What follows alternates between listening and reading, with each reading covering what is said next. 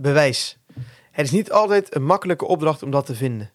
In een oorlog en een concentratiekampsysteem waar zoveel gebeurd is, zou je denken dat er genoeg bewijs is. Maar niets is minder waar. En daar komt Francisco Boix om de hoek kijken.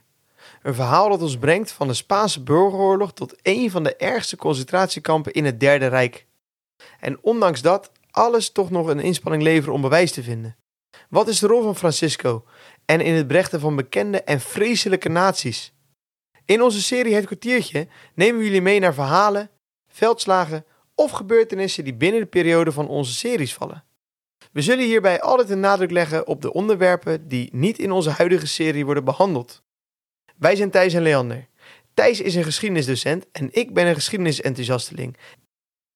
En samen is onze missie om van jou een amateur-historicus te maken. Ben je benieuwd naar het verhaal van Francisco Boix en het bewijs? Luister dan naar de aflevering van de Geschiedenisreis podcast.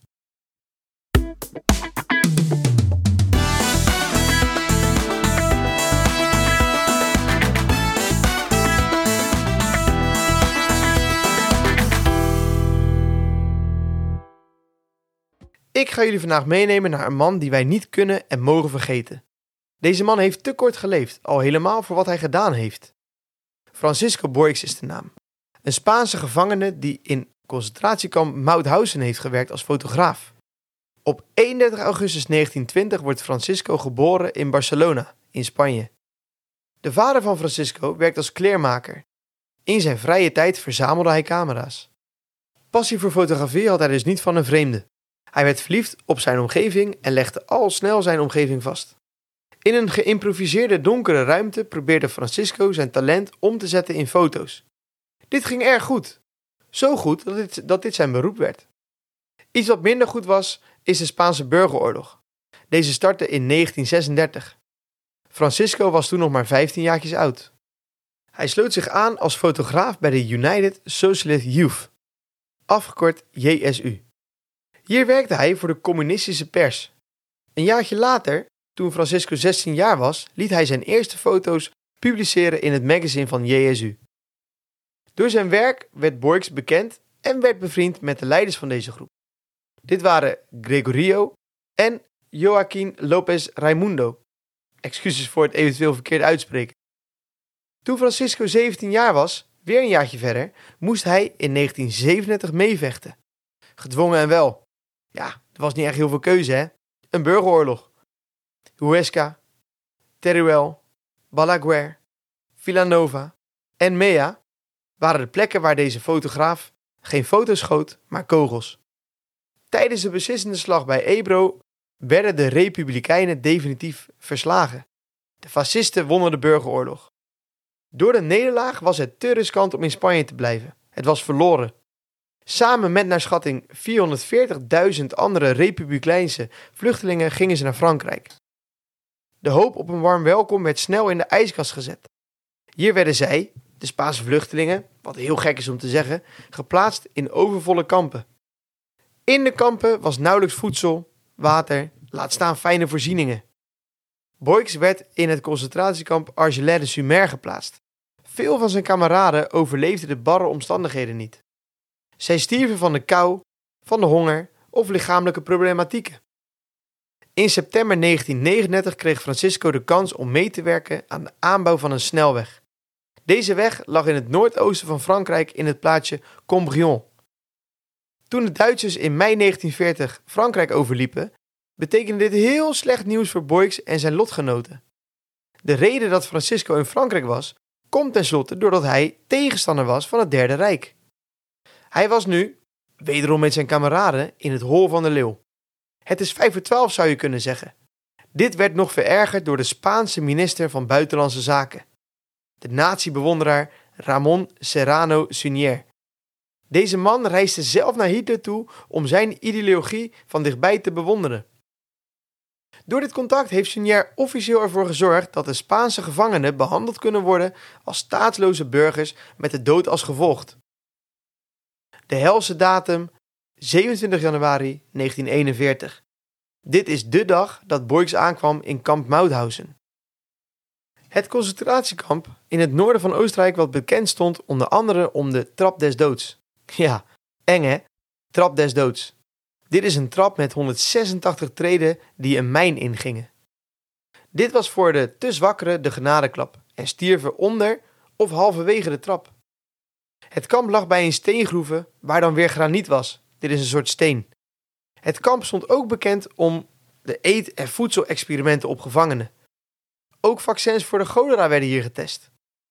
Twee op de drie overleefden dit kamp niet. Er zaten ruim 8000 Spanjaarden opgesloten in het kamp, dus reken maar uit. De totale schatting van de doden in het kamp ligt boven de 90.000. En even voor in je hoofd. Het stadion Wembley in Engeland heeft een capaciteit voor 90.000 supporters. Zo heb je er misschien meer een beeld van. We gaan weer terug naar Francisco. Door de beide handen instelling van Boyks, wat de bewakers wel interessant vonden, kreeg hij wat privileges. Denk hierbij aan bijvoorbeeld voedsel, kleding en wat extra rust. Want je zou het haast vergeten, maar in dit verhaal is Boyks natuurlijk nog steeds een fotograaf. Hij werkt in het kamp in de ruimte waar de negatieve foto's bewerkt moesten worden. Kan je je even voorstellen hoe van levensbepalend het is om een beroep te kunnen uitvoeren, zodat de Duitsers ja, iets aan jou hadden? Er werden veel foto's gemaakt van de omstandigheden van het kamp. Zo waren er veel Duitse soldaten die foto's wilden van hun daden om ermee te pronken na de oorlog. Ook maakte Francisco foto's van hooggeplaatste nazi's zoals Heinrich Himmler, hoofd van de SS, en Ernst Kaltenburg, hoofd van de Rijksveiligheid. Deze foto's bewaarde hij. Boyks had al tijdens deze periode het idee om de foto's als bewijsstuk te laten gelden na de oorlog. Stiekem verstopte hij sommige exemplaren in de ruimte waar hij werkte, bijvoorbeeld achter een verwarming of ergens in een dubbele la. In februari 1943 was het moment daar. De Duitsers gingen verliezen. De SS'ers gingen de omgeving vernietigen en ook zo de foto's. Zij wilden hun eigen hachje gaan redden natuurlijk. Maar ja, je voelt het aankomen hè. Niet alle foto's zijn vergaan. Samen met zijn landgenoot Antonio Garcia begonnen zij de foto's en de negatieven nog meer te verstoppen en ook mee te geven aan de Spaanse jongeren die buiten in de steengroeven werkten. Het was namelijk te risicovol om alle foto's in het kamp te bewaren. Hier waren natuurlijk de bewakers dichtbij. Deze Spaanse jongeren gaven dit dan weer aan een boerin die vlak bij de stad Mauthausen woonde. Zij heette Anna Pointner. Anna was erg alert op de SS en de controle hiervan. Zij verborg de foto's en de negatieven in een tuinmuur. Hier was het bewijs veilig en wel, tot de oorlog in mei 1945 voorbij was. Eindelijk! Echt zo fijn om deze positiviteit te horen. Deze heldendaden, die soms recht onder de neus van de nazi's werden uitgevoerd, lukten. Ruim 3000 foto's werden uiteindelijk in rechtszaken als bewijsmateriaal getoond om de misdadigers te straffen. Het totaal aantal foto's en negatieven die bewaard zijn na de oorlog ligt zo rond de 20.000. Vergeet niet in wat voor spanning ze geleefd moeten hebben. Boyks, inmiddels zijn lotgenoot Garcia, de boerin Poiner en vergeet de Spaanse jongeren niet hebben een heldendaad verricht. In de processen van Nuremberg in januari 1946 en later dat jaar tussen maart en mei in Dachau was Boyks de enige Spaanse getuige. Ook echt te bizar voor woorden, want voor dit proces beweerden de Duitsers van niks te weten. Maar ja, gelukkig hebben we de foto's nog. Mede door zijn foto's en het bewijs zijn er hooggeplaatste naties veroordeeld. Zoals Hermann Göring, die de luchtwaffe onder zich had en de Gestapo had opgericht, kreeg de doodstraf. Ook August Eigruber, die verantwoordelijk was op de dood voor 500 Russische krijgsgevangenen, kreeg dit vonnis. Bijzonder raar maar waar. Naar huis kon Francisco Boyks niet. Franco, de leider van de fascistische staatsgreep, had beloofd dat iedereen gestraft zou worden die tegen hem had gevochten. Terugkeren naar zijn geboorteland was dus geen optie. Daarom ging hij naar Parijs in Frankrijk, samen met veel andere lotgenoten. Het leven duurt helaas te kort voor Francisco. Na zijn reizen naar Algerije, Praag en Budapest, waar hij als fotograaf werkte, overlijdt hij op 30-jarige leeftijd in Parijs door nierfalen. Begraven werd hij in Thaïs, in Parijs.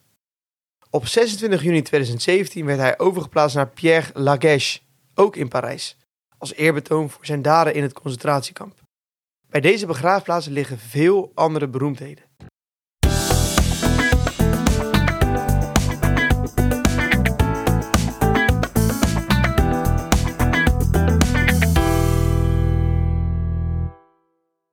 Op 14 september hebben wij onze De Geschiedenisreis Premium gelanceerd. Wat brengt deze premium jou als trouwe luisteraar van onze podcast? Je krijgt toegang tot alle vierde kwartiertjes die wij per maand uitbrengen. Je krijgt de mogelijkheid om vragen te stellen aan ons, die wij vervolgens in een podcast beantwoorden en die jij maandelijks kan luisteren. Korte recap-afleveringen van iedere serie. En af en toe losse podcasts of podcast-miniseries. Op dit moment staan al een aantal kwartiertjes online en ook de recaps van serie 1 staan op Supercast.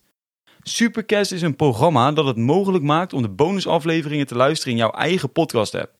Het is daarnaast heel makkelijk om je aan en ook weer af te melden. Wij vragen voor de premium 5 euro per maand, maar om het uittesten wat makkelijker te maken is de eerste maand met 50% korting. Test dus voor 2,50 euro uit of je het wat vindt en laat dat ons ook graag even weten via Instagram of Facebook. De link naar de premium staat in de beschrijving van de aflevering.